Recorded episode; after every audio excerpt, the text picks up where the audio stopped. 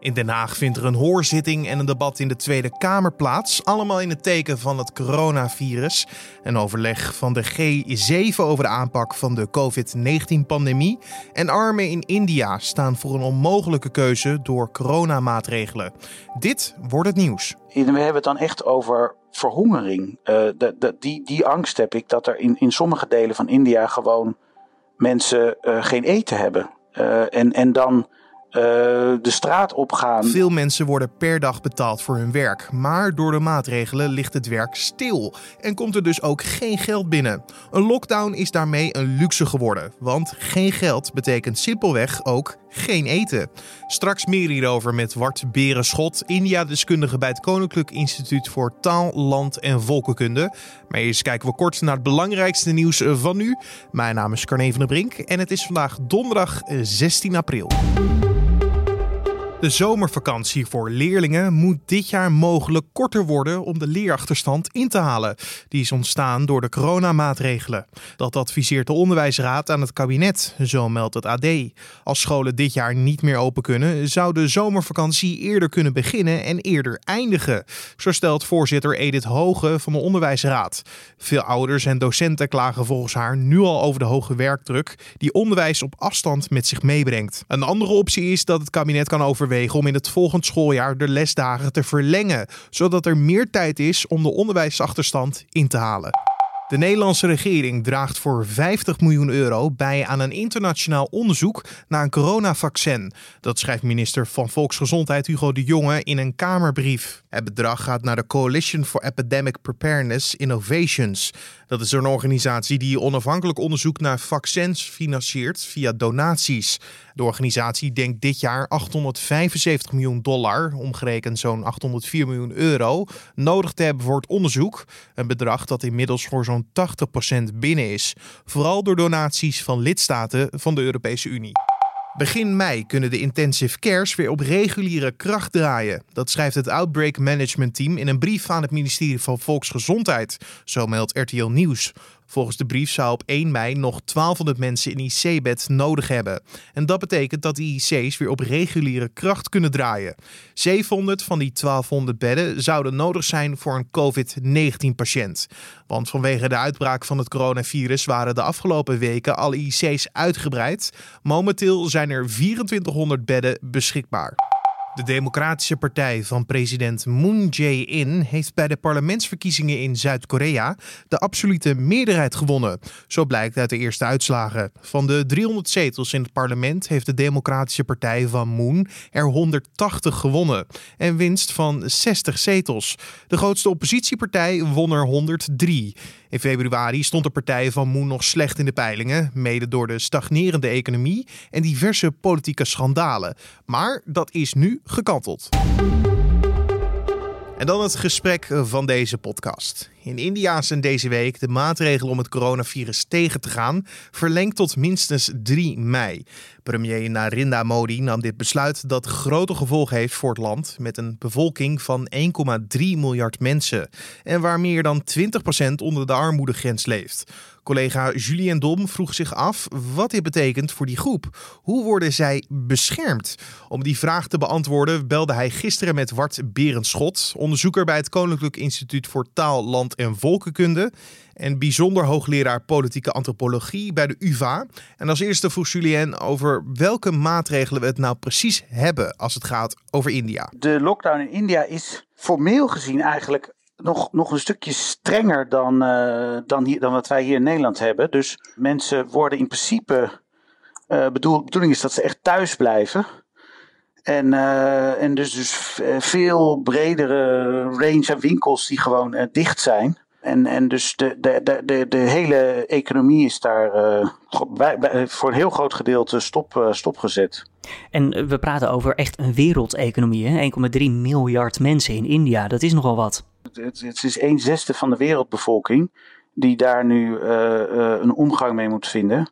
En wat het heftig maakt in India is dus dat het ook nog eens is in een land met uh, een heel groot gedeelte van de, van de bevolking, afhankelijk van de definities, uh, zou kunnen zeggen, 20% van de bevolking onder de armoedegrens. Als we het dan hebben inderdaad over die arme mensen daar in India, wat is er voor hen geregeld om de verspreiding van het coronavirus tegen te gaan? Nou, de regering van Narendra Modi heeft een, een, een, een, een verlichtingspakket aangekondigd. en, en is dat dan nu aan het implementeren voor een bedrag van, ik geloof in totaal 26 miljard dollar. Dus dat is ook weer niet niks. Waar praten we dan over als we het hebben over een verlichtingspakket? Uh, nou, dat is ten eerste geld, cash transfers. Dus echt uh, bedragen die uh, worden overgemaakt naar uh, en dan allerlei categorieën voor verschillende mensen. Voor weduwen, uh, voor uh, boeren is er geldbedragen. En dat gaat dan om bedrag bijvoorbeeld van 180 euro per persoon of zo.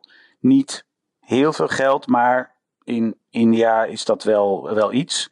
En daarnaast uh, is er ook een programma om voedsel uit te delen. Dus er wordt rijst uitgedeeld, uh, uh, zakken linzen, dat soort dingen. Als we inhaken even op dat uitdelen van eten. Want um, in India veel mensen die krijgen van dag tot dag betaald. dus toen die maatregelen werden genomen, toen moesten ze opeens kiezen van of ik werk niet meer, want corona. Maar als ik niet werk, heb ik geen eten. En dat zou betekenen honger. Dat is een, een keuze die je niet graag maakt, uh, op, op zijn minst gezegd. Is deze maatregel die de regering dan nu heeft genomen om rijst en, en voedsel uit te delen, dan eigenlijk niet te laat gekomen alsnog? je zou kunnen zeggen dat die, die, dat idee voor die lockdown is meteen is eerst besloten. En toen is er bedacht, oh, dan moeten we iets met arme mensen. En dat is dus uh, niet eh, van tevoren gepland en ook zorgvuldig over nagedacht van hoe gaan we dit communiceren en oplossen. Ze zagen dit probleem simpelweg niet. Nou ja, dat, dat zou ik bijna te moeilijk vinden om me dat voor te stellen. Uh, al is de regering van Modi wordt vaak een beetje beschuldigd als een soort middenklasse uh, uh, regering. Die dus het belang van de middenklasse wel goed ziet, maar die van de onderlaag van de Indonesische bevolking wat minder. Nee, ik denk dat, ze gewoon, dat het ook gewoon een gevoel van haast was. Van we moeten nu lockdown doen en dan gaan we het verder wel oplossen. Maar daarmee hebben ze ook de bestrijding van het coronavirus wel, wel wat in de vingers gesneden. Want voor veel mensen is het gewoon. Nou ja, kort gezegd, eigenlijk een lockdown is, is een luxe. Is, is iets wat je als middenklasse kan uh, veroorloven. Uh, maar als je arm bent, uh, en uh, je leeft eigenlijk uh, van de hand in de mond, is het heel moeilijk om dan te zeggen: ik ga gewoon maar thuis zitten. Je, je moet een oplossing vinden om naar een plek waar je toch nog eten kan krijgen en waar je de verdere kosten zo laag mogelijk kan houden. Sommige mensen hebben niet eens een thuis, toch? Als we praten over de, de, over de armste van de armsten in India. Ja, nou ja, en dat zag je nu heel schijnend de afgelopen weken. Dat heel veel mensen die die werken in steden als, als, als, als migranten, omdat daar werk is. Maar dan hebben ze niet echt een huis of, of een klein onderkomen waar ze even zitten, waar ze een kamertje huren. En die, die mensen zijn dus na die lockdown massaal uh, uh, dus op reis gegaan om terug te gaan naar de dorpen waar ze, waar ze vandaan kwamen. En dat is nou volgens mij precies datgene wat de regering wilde voorkomen. Ja, dat is zo'n onderdeel waar ik heb het idee heb dat Modi niet, wat de regering niet helemaal heeft voorzien dat dit zou gebeuren. Want in een tijd van coronavirus wil je het laatste wat je natuurlijk wil, is dat miljoenen mensen, de, de schatting die ik zag, waren echt zelfs 100, 135 miljoen mensen, dat die op, op natuurlijk zich door het land gaan uh, bewegen. Wat voor reactie is uh, op dit besluit gekomen op de, op de regering van Modi? Wordt dit hem, ja, wordt, dit hem, wordt, wordt hij hierop afgerekend, zo te zeggen? Nou, dat hangt natuurlijk af waar je, naar wie het vraagt. Ik kwam op Facebook kwam ik natuurlijk in allerlei debatten terecht met mijn Indiaanse vrienden en, connecties. Uh, toen ik een wat kritisch artikel hierover uh, postte.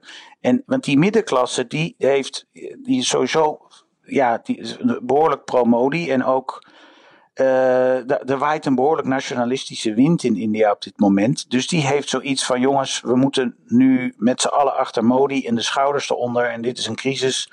En we moeten nu niet nu gaan, gaan uh, op, op, op slakken zout gaan leggen over wat er nog niet helemaal goed is. We moeten vooral met z'n allen erachter staan. Maar uiteindelijk raakt dit ook de middenklasse. Als dit de verspreiding niet tegengaat, maar juist in de hand werkt, dan zou je denken, de middenklasse wordt hier op den duur ook doorgeraakt. Want dat zou betekenen weer dat de lockdownmaatregelen misschien langer uh, moeten blijven gelden, waardoor de middenklasse eh, hun eigen winkels niet kunnen openen en ook minder kunnen kopen.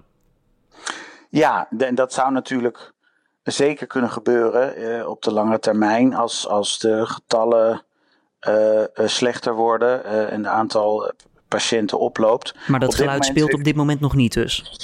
Nee, op dit moment heeft India 400 doden, officieel, door het coronavirus. En dat is natuurlijk in, in vergelijkend perspectief, en zeker voor zo'n groot land als India, is dat heel erg laag. Nou denk ik dat die cijfers uh, uh, vast niet helemaal kloppen. en er wordt misschien weinig getest ook in India. Heeft u enig idee? Daar heb ik even niet de precieze cijfers, maar er wordt volgens mij heel weinig getest. Uh, uh, daar zijn vaak de middelen niet voor en ook niet de, de volle aandacht voor. dus dat is ook een andere reden waarom het heel goed mogelijk is dat heel veel mensen op dit moment overlijden en dat dat dan als een longontsteking wordt geregistreerd en niet als coronavirus. Maar goed, het heeft wel tot gevolg dat, dat wat jij zegt, dat, dat een, een middenklasse die zich boos en, en, en bezorgd maakt, uh, dat dat sentiment nog niet leeft. Want door die getallen heeft men nog zoiets van, nou, uh, gezien ons land, uh, gezien de grootte van ons land, valt het allemaal nog wel mee. Als we dan even inzoomen op de regionale politiek. Um, hebben buurlanden hier geen beklag over gedaan bij India over hoe, de corona, hoe het coronavirus in India wordt aangepakt? Nou, dat valt mee. En wat interessant is, is het contrast met uh, Pakistan. Want die hebben nou juist eigenlijk, uh, om redenen die ik uh, net heb gezegd, hebben zij besloten om geen lockdown te doen. dus de regering in, in, in Islamabad heeft gezegd, ja, gezien de armoede en het feit dat veel mensen in de informele sector leven, dus die gewoon van dagelijks inkomen afhankelijk zijn, kunnen wij geen lockdown doen. Uh, en wij gaan het op een andere manier uh, proberen op te lossen door contact verder zoveel mogelijk te, tegen te gaan, maar geen lockdown. Een meer Nederlandse wijze zou je wellicht kunnen zeggen. Ja, en dan nog iets opener misschien wel. Want dat is een, een ander onderdeel van dit verhaal. Dat social distancing, wat, waar wij in Nederland heel erg op hameren uh, en wat we heel belangrijk vinden, is, een, is in, in landen als Pakistan en India is eigenlijk ook een luxe en ook een middenklasse iets. Want om anderhalve meter afstand te houden van mensen uh, is in grote steden als, als Mumbai of Karachi of Delhi, en dan vooral de sloppenwijken daarvan, is ontzettend moeilijk. Mensen wonen daar um, vaak zes mensen in een huis. En die, dat huis is één of twee kamers, 10, 15 vierkante meter. Uh, en dan in buurten met heel veel huizen, dat soort kleine huizen naast elkaar en op elkaar vaak, ik geloof gemiddeld een derde van huizen en sloppenwijken hebben geen wc. Dus moesten mensen als ze naar de wc moeten het huis uit uh, door de buurt naar een wc elders. En, en, en in sommige gevallen is er inderdaad ook geen water, stromend water in het huis. En dat is nog vaker, ik geloof 40 procent, maar in ieder geval vaak. En dan moeten mensen dus naar een, een tappunt. Waar mensen dus weer samenkomen. Waar mensen weer samenkomen om allemaal water te halen. En, en in de rij staan en op elkaar moeten wachten het is ontzettend moeilijk om daar die afstand van anderhalve meter uh, te houden. Als, als laatste vraag dan eventjes. Eh, wat zijn nou de grote uitdagingen of wat is de grote uitdaging waar de regering van Modi voor staat op dit moment? Ik denk dat zij aan de ene kant hebben zij natuurlijk een enorm gezondheidszorguitdaging. Ik heb het even opgezocht. Zij hebben, uh, er zijn van die statistiekjes, zij hebben nu per 1 miljoen mensen van de bevolking hebben zij 177 mensen getest. En even ter vergelijking, in, in landen als Amerika is dat 10.000 mensen en in Nederland is dat bijna 8.000. Dus dat is uh, enorm. Er gebeurt heel weinig in India. En dan hebben ze ook nog eens een gezondheidszorg die, ja, die als ze echt heel veel gevallen krijgen, daar heel snel dat, dat, die stroom niet aan kan. Dus da, dat is natuurlijk de acute uitdaging. Um, maar de, de, de bredere politieke uitdaging is, is hoe lang kan een lockdown, kan kan een lockdown in een land als India blijven bestaan uh, en voortduren. Ik, ik, ik denk dat dat heel moeilijk gaat worden voor Modi als dat virus zich wel steeds verder verspreidt, maar de nood steeds hoger aan de lippen komt te staan. En dan hebben we het over de mensen hebben geen eten en geen geld om te overleven tegenover wat is de kans dat ze het coronavirus oplopen? Ja, en ik heb, ik heb, we hebben het dan echt over verhongering. De, die, die angst heb ik dat er in, in sommige delen van India gewoon mensen uh, geen eten hebben. Uh, en, en dan de straat opgaan. er zijn al wat rellen geweest tussen Hindoes en moslims. Als een soort van afreageren lijkt dat. maar straks ook misschien tegen de regering ja, uit een soort wanhoop. En ik, als dit lang duurt, kan je ook denk ik verwachten dat er winkels geplunderd gaan worden en dat soort dingen. Uh, dus dus in, in de grote steden met heel veel sloppenwijken uh, zou dit wel eens heel nijpend en heel naar kunnen worden. Wart Berenschot, onderzoeker bij het Koninklijk Instituut voor Taal, Land en Volkenkunde en bijzonder hoogleraar politieke antropologie bij de UvA hoorde je in gesprek met mijn collega Julien Dom. Dan kijken we nog even wat er verder op de agenda voor vandaag staat. Tweede Kamerleden worden vandaag tijdens een technische briefing door RIVM-baas Jaap van Dissel weer bijgepraat over de stand van zaken in de coronacrisis. Van Dissel deelt de laatste inzichten en duidt de cijfers.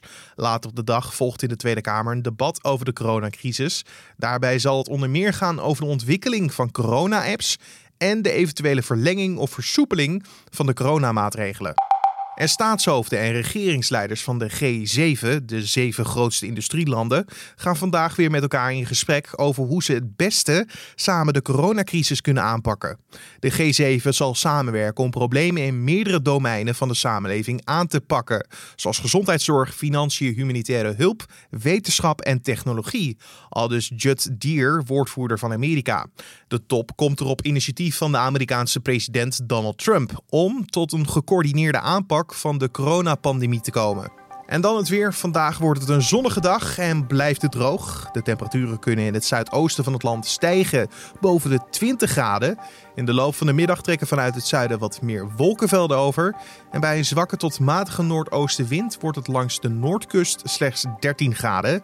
Landinwaarts is het warmer en loopt het kwik op naar maximaal 17 graden in het noorden tot 22 graden in het zuidoosten. En we sluiten af met een foutje van RTL, want de zender betreurt het dat de coronamaatregelen niet volledig zijn nageleefd in de studio van de talkshow Jinek. Uit de beelden achter de schermen die op RTL XL te zien waren, blijkt dat werknemers te dicht in de buurt van de gasten kwamen.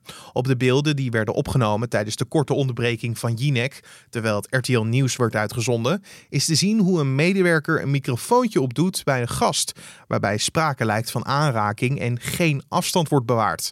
Een woordvoerder van de zender laat aan het AD weten nog strenger op de regels te gaan letten. En dit was dan de Dit wordt het nieuws podcast voor deze 16 april. Je kan de podcast maandag tot en met vrijdag om 6 uur ochtends vinden en in de middag op de voorpagina van nu.nl. Uh, je kan ook deze podcast beluisteren via Spotify of Apple Podcast en dan kan je je ook gratis abonneren. Heb je feedback voor ons, suggesties, tips, uh, leuke feitjes? Laat het ons vooral weten via podcast.nu.nl. Wij kijken er altijd naar in ons mailadres en uh, misschien zit er wat in voor een uitzending of een item of misschien een leuke afsluiter. Laat het vooral weten via podcast.nu.nl. En je kan een recensie achterlaten bij Apple Podcast.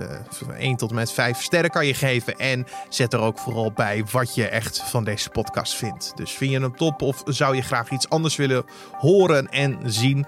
Schrijf het erbij en wij hebben er heel veel aan, kan ik je zeggen. Mijn naam is Carne van der Brink en vanmiddag hoor je weer de podcast dus van nu.nl, maar dan met mijn collega Esmee. En morgenochtend ben ik er weer. Ik wens je een hele mooie dag en ga ervan genieten.